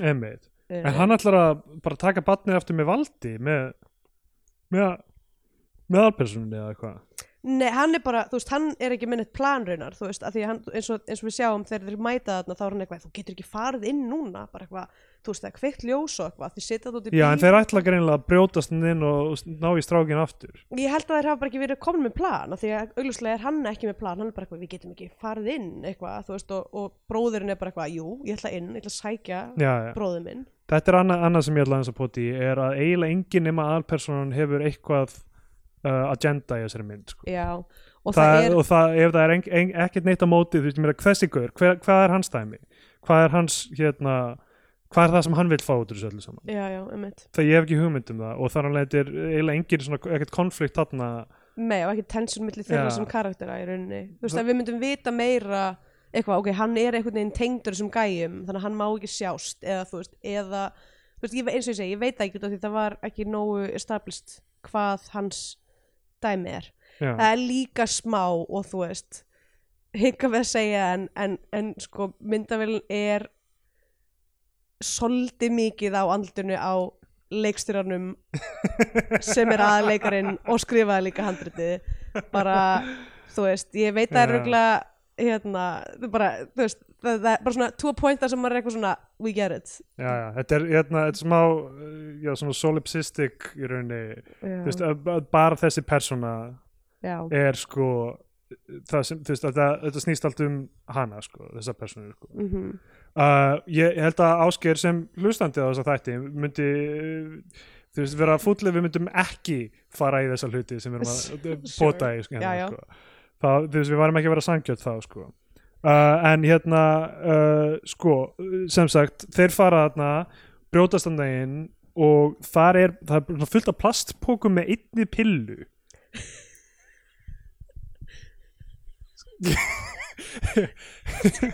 Þannig að ég myndi segja ég myndi segja að að að segja þetta sé hérna, þetta er ekki góð nýting á plastpoka eða? Nákvæmlega, þetta er ástæðan fyrir með þetta, þessa eigu í Kirrahafinu. Já, ef að fólk myndi bara kaupa meir en eina epilu í senn, þá væri við kannski ekki með loftlagsvá. En sko, ég myndi gera ráð fyrir að, að aðstandendur myndarinnar séu ekki meðal þeirra 60.000 Íslandingar sem hafa tekið e-pillu af því að þau myndi ekki vera afgreitar svona og ekki eini póka held ég. Uh, allavega, það, hérna, sko hann, hann næra brjótast hann inn og, og ná bróðurnum og flýja með honum. Mm. og ég smá óviss með sko alla svona geografíuna og, og hver, hverju nákvæmlega þessi menn eru en þú veist, hann er að flýja en síminn varð eftir hjá gangsterunum. Uh, já, sko, þetta er hérna, já, allt sem gerst í þessu húsi er að því að sé, hann svona fer upp á aðra hæð, þar Já. er verið að pynta eitthvað, eða svona maður sem er eitthvað, þú veist, bundin upp inn á baði, Já, einhvern veginn, og hann er eitthvað, úð búi, uh, ég kom ekki hinga fyrir þig, eitthvað bara aftur, og þá er bara bróður hans tilbúin með bakpokan í bara forstofunni, bara, ja, ég var að fara, já, þú veist, hvað er að gerast í þessu húsi? já, Um, hann er flýja með honum en sko þeir finna þá strax aftur Já, einmitt, út af því að það- síminn varð eftir eða eitthvað slags, en þeir Já. finna hann í, þeir, sem sagt í hérna r- í vinnunni já, einmitt. Og þeir mæta og þeir róta Oliver. Og uh, og hérna og þar uh, hérna, já, það, það er Atamini sem leikur hérna aðal gangsterinn Já, um, og uh, og hérna það er svona smá sjótán milli þeirra já, hann er búin að ná reyndar að segja bróður sínum að flýja. Já, þannig að já, bróðun hans sleppur hérna og hann er allur blóður á gólfinu. En það er flashback eftir hann rótast flashback sem sagt, eða eitthvað svona draumur þar sem hann er að kenna hann á ukulele. Já, sem er aftur, þú veist, uh, set up fyrir fyrsta atriði sem við sjáum. Já, og uh, hérna hann já, hann næri eitthvað að stinga sem sagt, eftir hann er rótaður á gólfinu blóður, þá næri hann að stinga þarna að tamínikverjun já, mesta uh, yfir, yfir glæbónin mhm. Og drepa hann líklega ekki? Jú, Já. já. Og þá er, veist, þá, þá er hann núna komin yfir línuna, hann getur ekki já, farið aftur í heim uh, manna. Um, og já, og þá endur, og á þessum tímpúndi þá erum við bara komin út í eitthvað svona hans bara svona, svona downfall eitthvað, já, einmitt. Undergang já, uh, já, þarna kemur þarna, þarna kemur allt þetta sekvens af löngu skotunum af umferðinu á nóttu til. Mm svo bara lang, löng sena sem hann eitt situr á gólfinu og grætur. Uh, Uh, Nei, byrju, hann alltaf fer heim til sín og mamman sem búin að nei, drepa sig. hann grætur á gólfinu áður en hann sér að mamma hans er daginn ah, ok, wow bróður hans er sloppinn einhvern veginn og hann kemur heim allur blóður og hakkaður. Mm ég veit ekki hvar bróður hans er en, Hann sagði hann bara eitthvað svona þú veist, bara farðu og talaði við eitthvað og fáðu hjálp. Og við já, sjáum skot af honum á bílastæðinu hjá, held ég hérna, hvaða ráðunett er það aftur sem er fyrir aftan þjóðleikúsið? já, já, einmitt, eh, hvort hann er ekki þarna hjá bara fjármálanandinu Já, emmitt og hérna, og bara talar við einhverja, einhverja góða konu sem er eitthvað, já, já, komdu bara inn í bíl við skulum hérna einmitt. fara með þig eitthvað, þú veist Þannig að- um, sko, já, þetta, þetta þetta líka gefur til kynna Oliver sér rosalega streetwise gaur, sko væntanlega hafandi alist upp með bara, þú veist. Já, en þú veist, hann veit alveg að þú veist, hann hugsaði eitthvað svona, ég ætla ekki innvoru á laurugluna þarna en síðan bara, þú veist, já, besta strákurinn bara farið og talið við einhvern fullorinn og treysti því að það þá er líklega hringt á laurugluna að tínt barn hérna eða eitthvað. Já, já, emmitt sem myndi líklega þýða þá þú veist þau myndu ke keira með hann heim til hans þar sem mamma hans er döið í baðkerinu. Já, búin að fremja sjálfsmorð? Já, eða já, jú, alltaf það ekki held ég. Jú, uh, ekkert annað sem að og, og, og hljóma hann ólíklegt. hann hrópar á hann að þetta er allt þér að kenna ég hata þig. Já, uh, þannig að hún er döið í baðinu það, Mhm. þú veist, ok, þetta er satt, þetta er Skandinavian Pain negla sko. þetta er, ég menna, það, þú tala, veist. það er morð og síðan bara sjálfsmorð bara í næstu senu. Sko, það komur óvart að það var ekki draugur einhvers staðar, bara til þess að reyna að fylla Wow. skalan það hefði verið gott ef það hefði verið svona álvar í lokinu eins og í hérna draumadísir. Já, veit um, sko og og hérna hann inn í stofu finnur hann veski uh, og ökuskýrt, eða nei, býtu, það er veski sem hann tók af glæbónunum Já. já, það er veski hans. Mm skoðar ökuskýrtina hans og finnur síðan mynd af mynd af Aldísi Amal Hamilton mm. leikonu um, og fer á bar þar sem hún vinnur. Já, og situr þar og, er líklega að drekka eða eitthvað. Nei, hann fær bara vatn, sko. Þannig að bara vatn? Já, Þess, hann er náttúrulega með örgulega heilaskaða eftir að hafa fengið hamar í höfuðið. Já, uh, eða þú veist heilaskaða, hann er, örugglega- hann er með þú veist sár á hliðinu á höfðinu og hún er eitthvað, þú veist, "Ó, eitthvað kom fyrir þig eitthvað, geti, má ég, eitthvað, gefa þér eitthvað held að fá bara vatn. Og svo er hún eitthvað svona, jæja, hvað er að gera barnum mínum? Þú veist, Já. akkur ertu hérna uh, Emmett, hún, hún er rosalega forvitin með hennar gaur og hún gerir það sárum hans og mér, mér, finnst, sko, mér finnst mjög gott þetta sko að veist, það að hún sé að fara að gera sárum hans er svona justified, þá hún segir margir detta niður stigan á barnum, þetta er orðið eins og hlutastarf.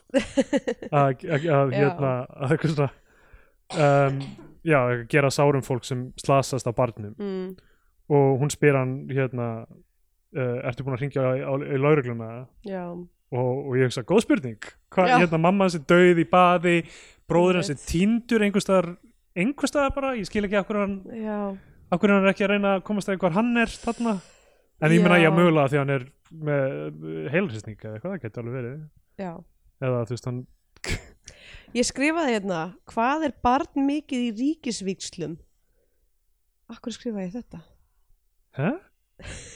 Hvað er barn mikið í Ég, ríkisvíkslu? kannski var ég byrjuð að fá hita þegar ég horfði á myndina. það getur verið nei, nei, já, já, ég var ekki að því að þegar hann, þegar hann var stólið þá var eitthvað svona byttu, hvað ætlaði ætlaði að fá pening fyrir barni? já, já, já, Þú veist, hvað hva, hva, hva veðsettum að barna? Þú veist, þegar hann er ekki að fara að fá pening frá konunu sem á engan pening. Frá hverjum ætlaði að fá pening einmitt fyrir barnið? Einmitt, sko það, ég, ég held að það sem svona gerist almennt í þessu bransa er að þú segir að þú verður að borga okkur fyrir dópsköldurinn þeirna þar alveg getur til dæmis brotist inn í þetta hús og tekið bara flatskjáin þeirra Já, já, og selt hann og borgað okkur eitthvað þannig.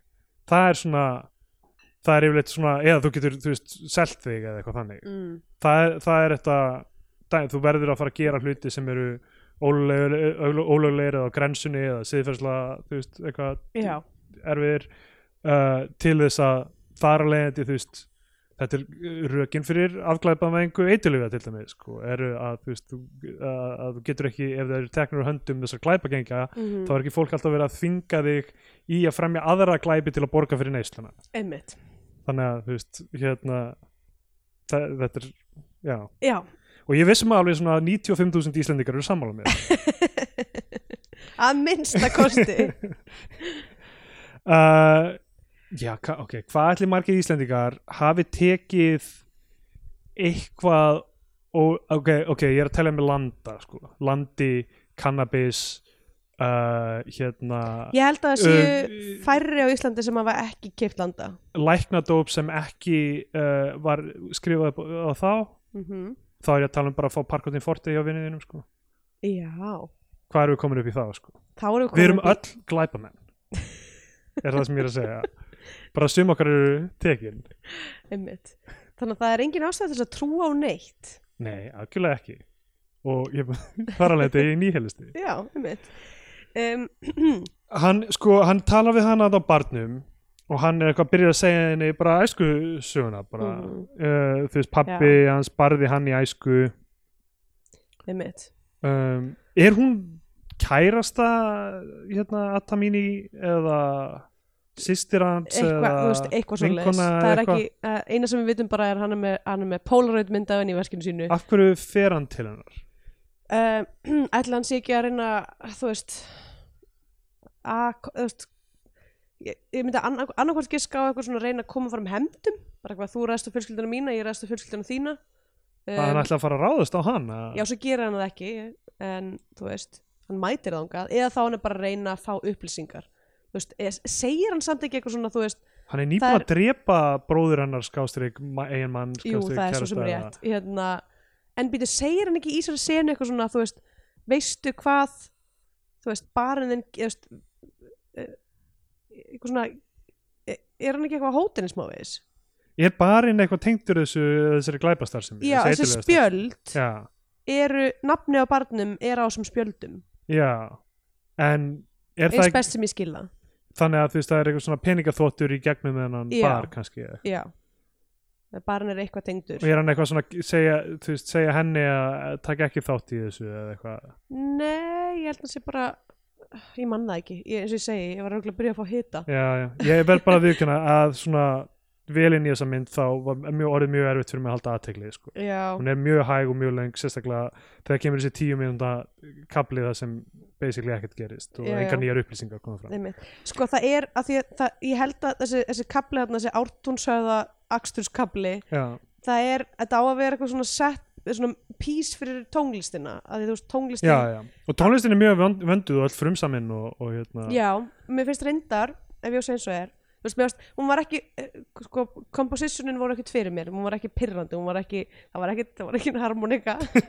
Það var ekki dítragull ekkert banjó ekkert það var þannig. banjó eða, eða þú veist hérna, hvað heitir eftir hérna? Blokkflöta, Nei, æ, hérna þú ert að mæma þetta. uh, Melodíka já, melodíka já.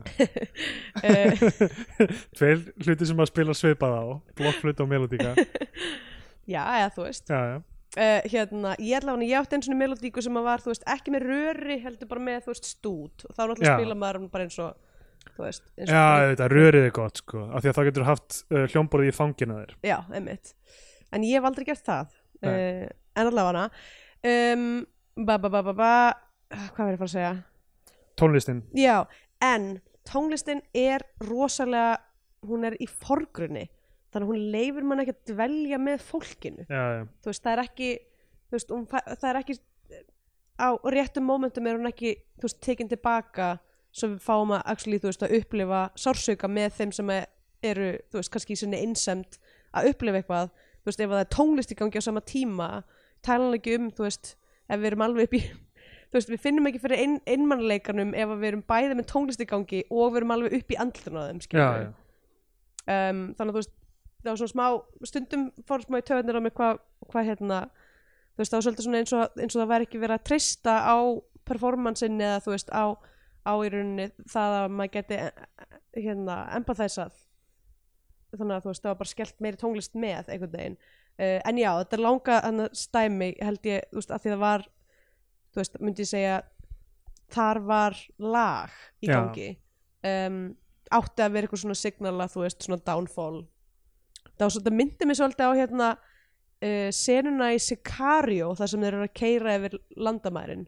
Um, hérna, og þá er mynd svona óksla flott lag eftir Jón Jóhansson greitingið breyti- breyti- breytist í svona afisingul Já, ég mynd nákvæmlega. Reyndar. Uh, en það er mynd eitthvað svona ok, við erum að fara inn í vélina núna þú veist, þú veist það var sérstaklega þú veist, það hafði ástæðu veist, það var mjög, það var mjög góð ástæða fyrir þessari löngu senu uh, ég held, mér líður eins og það hafi kannski verið intentionið hérna líka einmitt. en mér fannst það bara ekki virka ef mér Nei, nei. Sko, hann sem sagt, já, kemur ljós, pappa hans barði hann í æsku, pappa hans var náttúrulega algjörð skrýmslu á heimilinu og eitthvað þannig, Já. barði hann og memma hans bara eitthvað randomli og eitthvað þannig. mm Þannig að þú veist að maður á auðvitað að hugsa þetta sem, sko, þú veist, hann kennir mömmu sinu um, sko, hann, þú veist, þetta er svona, hann, hann kennir henni um, af því að hann er að venda bróðu sinn -hmm. og þú veist, hún myndir náttúrulega kenna manninu sinu um pappa hans og eitthvað þannig. Og þetta sé svona eitthvað svona keði af því að kenna um í, í staðan fyrir að -hmm. eins og segir, brjóta, brjóta the cycle. Mhm. hann s- finnur síðan þarna aftur var ég smáringlaður sko, hann finnur bróðu sinn heima hjá einhverju gaur sem talar ekki íslensku og er bara að tala Já, og er bara að spila tölvuleik og eitthvað. Og segir hann bara að hlaupa burt. Já, kannski, kannski er það þá sem hann hittir konun á bílastæðinu og, og fær vernd. já, Kannski er það, já, fi, já, fyrst er hann segir hann um að hlaupa, ætla hann hann hafi verið náð aft, ég er ekki alveg viss, sko. nei en sko að hann, að hann hérna að þarna er hann bara heima hjá einhverjum gaur sem tengist engu neitt. Einmitt, og við vitum ekkert af hverju, hvernig hann finnur hann, já, þú veist, hvað, veist, hvert er samhengið hérna. já erum við ekki með neina neitt þeim að hvernig hann finnur hann Kannski erum við bæði bara ógeðslega heimsk. já, geti verið sko. Um, uh, en hann finnur hann heima hjá þessum gaur og eitthvað, hann talar ekki íslensku eitthvað þannig. Og svo bara segir hann bara hlöftu burt. Og deyr? Uh, já, eða dreipur sig eða eitthvað.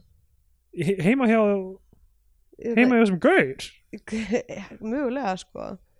Um, eða þú veist eða kannski deyr hann bara af þú veist, sárum sínum eða eitthvað þú veist, ef hann, ef hann er Já, með já. tróma á haustnum þú veist, þá gæti hann alveg bara þú veist, verið með heilablæðingu og, og bara þú veist, dáið. Eða þá hann dreipur sig, það er ekki gott að segja. Það er svona text í millitíðinni að drepa mann, fara heim, sjá mömmu sína, fara á hennar bar, finna strákin og svo bara eitthvað, já, þú veist, ég, ég skil ekki hvað er að, ætli, ætli það hafi ekki verið það að hann fer á barinn talar við gæluna, er eitthvað svona veistu, þú veist hvað, þú veist barinn er involverar í, bara ég, eina sem ég vil er finna bróðu minn. Og hún hefur þá sagt honum, ok, farðu hinga bróðin er hér. Þá fer, að hann þá gripin aftur? já, þá, þá hafði hann verið gripin aftur þarna í rafvirki EHF og ég var bara að skóla saman út af því að Já, veist, já, Já, þannig er það, já. já, Þannig að þeir ná honum aftur uh, og þessi, þessi gaur sem talar ekki íslensku, hann bara er tilbúin að sleppa honum bara for, for no reason eða eitthvað. já, hann bara þú veist, hann stingur af eða eitthvað, Já, Ég hún segir hann hvað bróðinu segir það. Já, Já. já.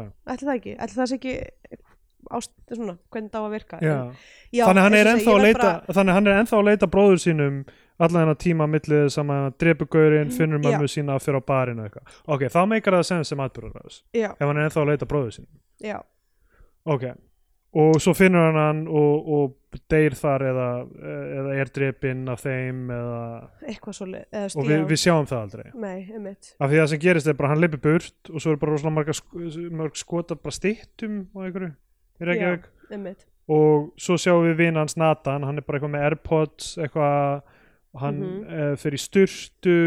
Flott styrtu sena nei, nei, sko, ég, ég bara að því ég var búin að vera þú veist, ég, ég var búin að vera að pyrra mig á lýsingunni í öllu. Já, já, og svo var þessi styrtu sena mjög svona fallega lýst og bara veginn kom vel út. Hann uh, sækir litla bróðurinn uh, ætlar að fara í íbúðuna þeirra en hættir við eða eitthvað. Ég- já, hann ætlar að fara upp þess að núna er þess að litli bróðurinn komin til ykkur fósturfóldra já, uh, og þau greinlega eitthvað hluti vegna vilja ekki að hann fara að gröf bróðu síns. Uh, það er svona í að því og, hérna, og Nathan allar eitthvað svona herri, ég fer nú að tala við þau. Svo eitthvað svona fer hann Þetta er inn á gröf mammans eða? uh, þeirra bækja vendarlega Sjáum við einhvern veginn eitthvað svona leggstein eða eitthvað? Já. Sem er bæðinöfnið þeirra á uh, ég held bara hans sko ah. um, en hérna Því létu við gera leggstein fyrir myndina Sorry, ég er alveg lost þarna sko. ég, er al, ég var alveg búin að sána út sko. Já, ég ég verð bara að segja eins og er með, kúlpa með, þú veist, með mig að bara hvað, það er það eru komnir núna hvað, 5-6 dagar síðan ég horfði á hana Já, já, og ég er búin að vera mjög lasin í mildtíðinni þannig að ég kannski er ekki alveg fulli 5 uh, sama ég er en hérna uh, en já, sem sagt þeir eru núna bara með hérna uh, sem sagt Nathan er núna í rauninni eini sem að er að halda minningu sem sagt Tengslum við teng- fjölskylduna. tengslum fjölskylduna, já, Já. Og uh, já, og síðan spilar strákurinn ukulele sem er svona uh, þar er fjölskyldan ennþá með jákvæðum hætti í lífi hans í gegnum það að bróðurinn staði kent honum niðurlægið verandi basically var ekki bara gott að þau dóu. Þetta er líka þú fyrst veist, eina leiðin til þess að brjóta hérna, sækulið er einhvern veginn að taka þau úr myndinni. Þetta er að fyrsta sem við sjáum í, í, í myndinni er, hérna, er þetta samt, sko. þannig að þú veist, ég held að þetta væri bara eitthvað sem hann gerði alltaf. Ég vissi að þetta væri flash forward. Já, já, já, um mitt uh, Já, uh, Scandinavian Pain Index well uh, ég meina við erum búin að þú veist, aðeins að nefna þetta en auðvitað er þú veist, erum við að tala um leyndamál fortíðar, við erum að tala um heimilisofbeldi við erum að tala um fátækt, morð fullir úlingar, við náttúrulega töluðum ekkert um úlingapartíð en hérna en það var algjört svona það var svo skandi úlingapartí, bara Já, já. svo mikið einhvern veginn uh, sjálfsmorð, dóp, brotin fjölskylda.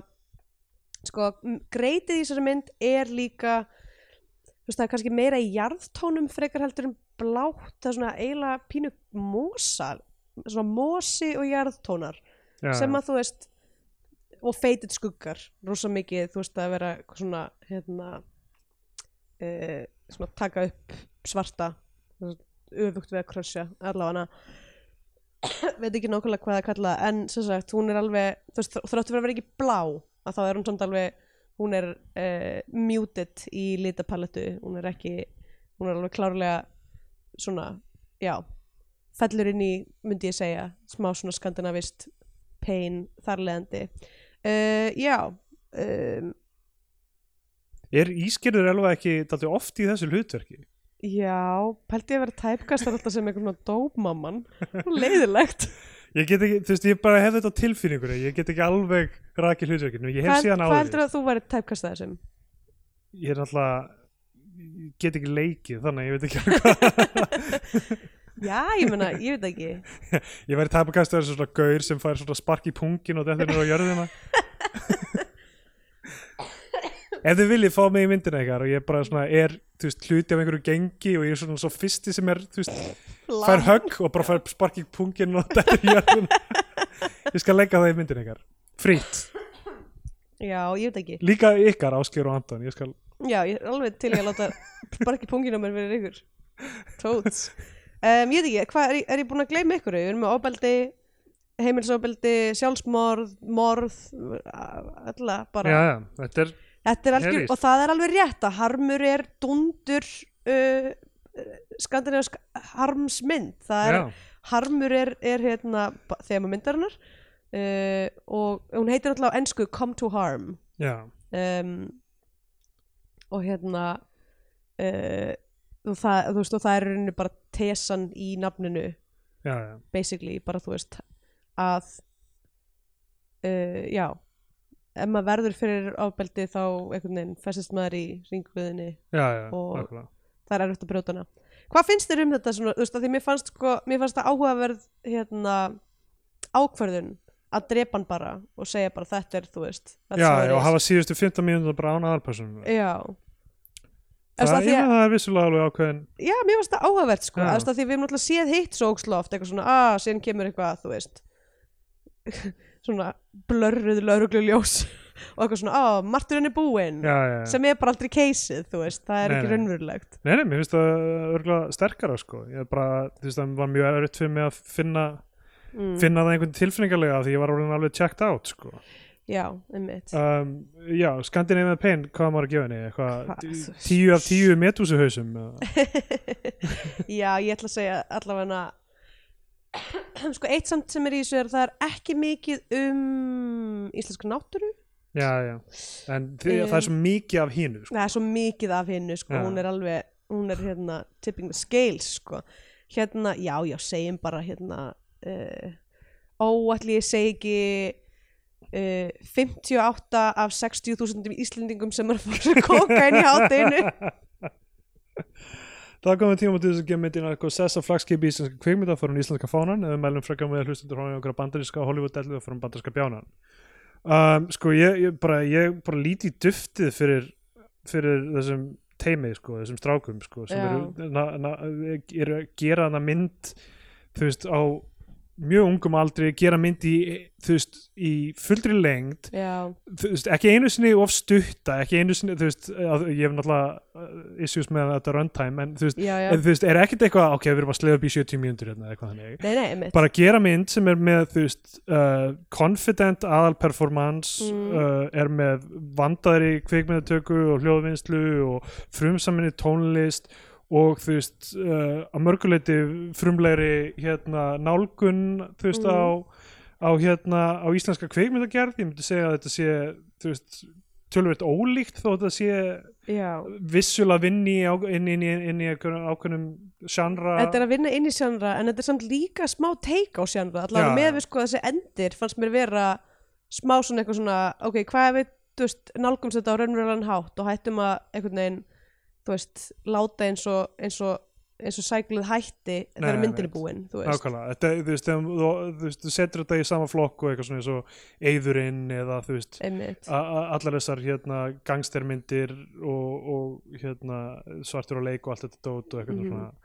Og, og lætur þetta bara snúast um eitthvað eitt strák sem reyna að halda fjölskyldunni saman og, og getur það ekki. Mm, uh, þú veist, það er bara rosalega flott. Það er einmitt, já, mi- minnir á á einmitt einhverju svona erlenda indie darlings meira frekar en það gerir, þú veist, íslenska mynd sko. Mm. þannig að þó hún sé mjög Scandinavian painful já, þá, þú veist, er hún að vinna með alþjóðlega veist, við, það er að koma inn í íslenska kvikmyndagerð í gegnum þessa mynd sem er frábært sko. mm uh, og uh, ég væri samt ekki, ok, að því þú segir flotti strák, þetta er flotta strákar ég væri ekki, tókin konan í bíotvíu ég myndi samt ekki nefna það að þetta er very dude-centric framleiðsla og það væri kannski 100%. Myndi kannski hjálpa að vera með önnur sjónum með svona hérna, einsleitt teimi 100% það var það sem ég ætlaði að fara að koma að sko, Mm. er að vonandi þýðir þetta að þeir fái fleiri tækifæri til að gera myndir og, og hérna og vaksi og darti, þeir eru bara þeir eru náttúrulega mjög ungir að fjalla um eitthvað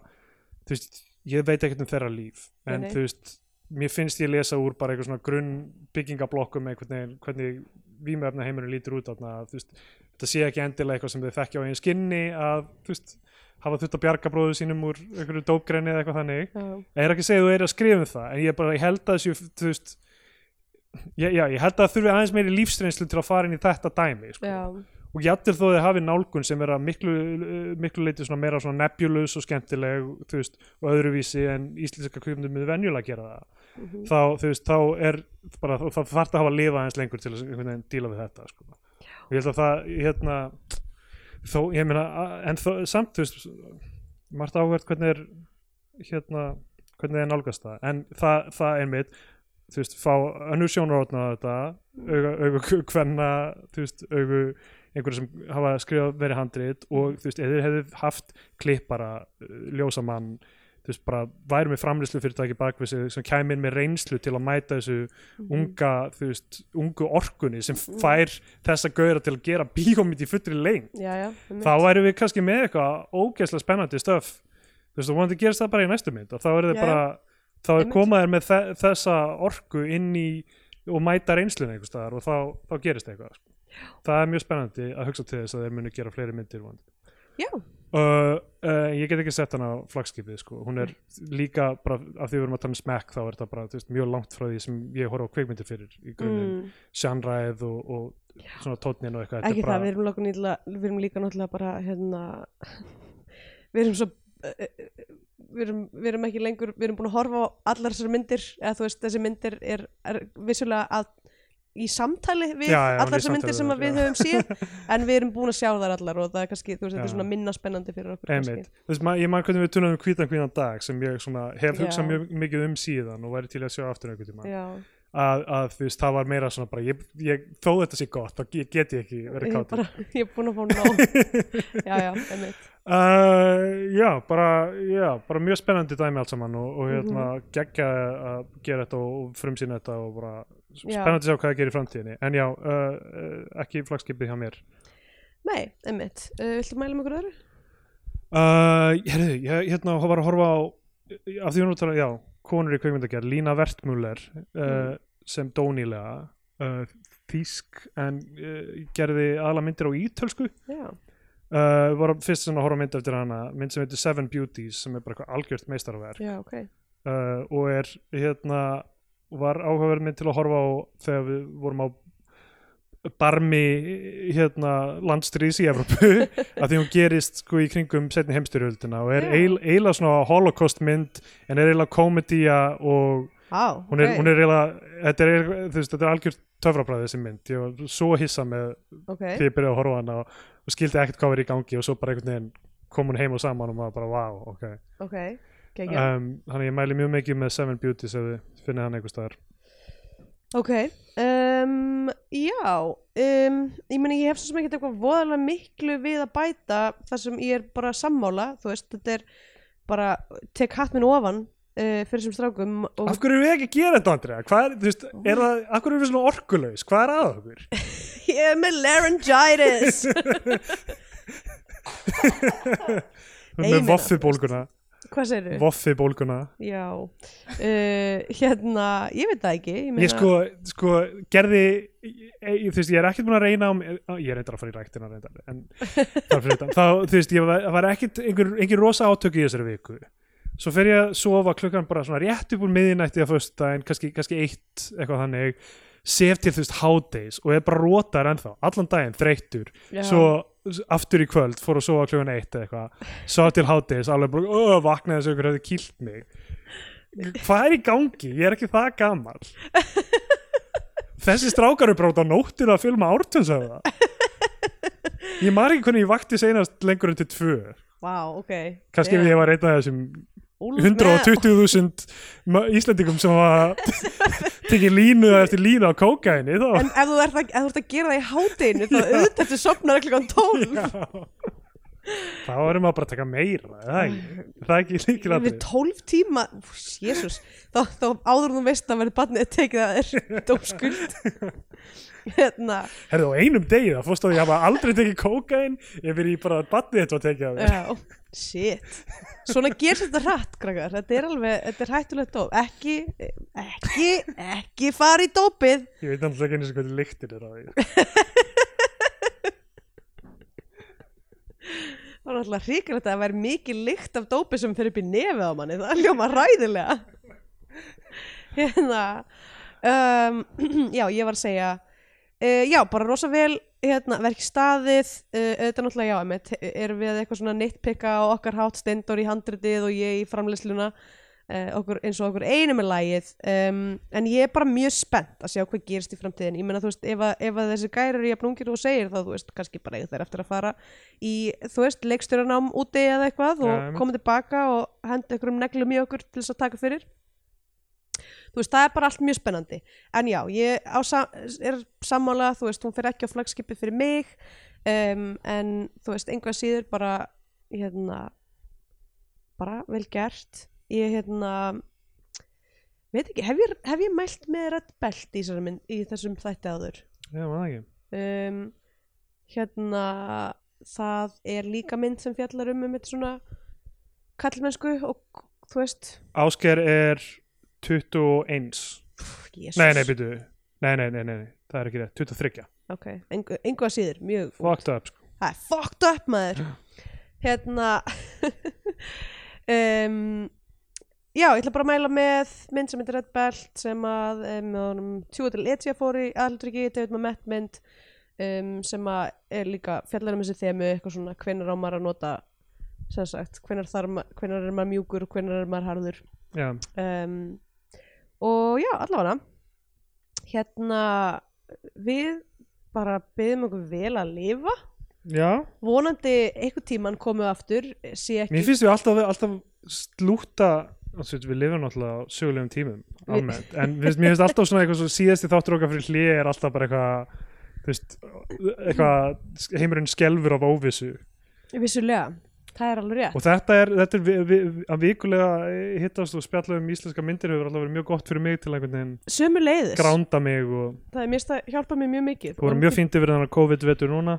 Því miður þá hérna þú veist, veit, ég meina við náttúrulega já, erum ekki með það marga myndir að við getum raunverulega gert eitthvað, þú Nei. veist. Um, var að hugsa sko e, þú veist, ég veit, ég veit við ætlum ekki að gera það en ef við myndum fara í taka, taka fyrir þáttaserjur að þá erum sko TV í nafnun okkar, þá myndum við vera ekki biotvíu heldur.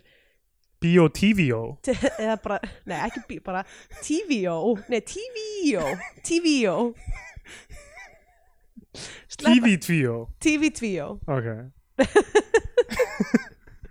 uh, sorry, það, það þurfa svona hundra manns að skrá sig eitthvað á Patreon hjá okkur eitthvað, Já, til ég byrja einu einmitt. svona ef að við ætlum, pæla ef við ætlum að fara að horfa á heilu þáttaserjurnar þá einfallega það þurftu já. að stopna Patreon einmitt, líka. ég er ekki að fara að gera það fyrir engan pening takk og bless um, Uh, já, við bara já, einmitt, byggjum eitthvað vel að lifa búið að gaman að fá skilabóð frá ykkur og allt, allt hérna, all, alltaf hjálpina með að finna myndir, þá meira sem núna þegar við sögumst vera að fara í frí þá fengum við eitthvað eina, tvær ábendingar um, um myndir sem við vissum ekki af þarna úti. Einmitt uh, já, eins og segi, þegar við þegar það komnar fleiri myndir út sem við getum tekið fyrir og við getum tekið svona góða rispu þá kannski komum við tilbaka ef að, ef að meiland Evrópu er ekki Já, já. hérna, komið bólstýpin í eitthvað stríð. Um, fer allt eftir nettingingunni í negarlistastöðunni já, einmitt uh, en ég meina bara já, bistan Já, frá Íslandingar allir 360.000 ykkar sem neytið ólega fíknefna bara farið vel með ykkur. Já, bye. Bye.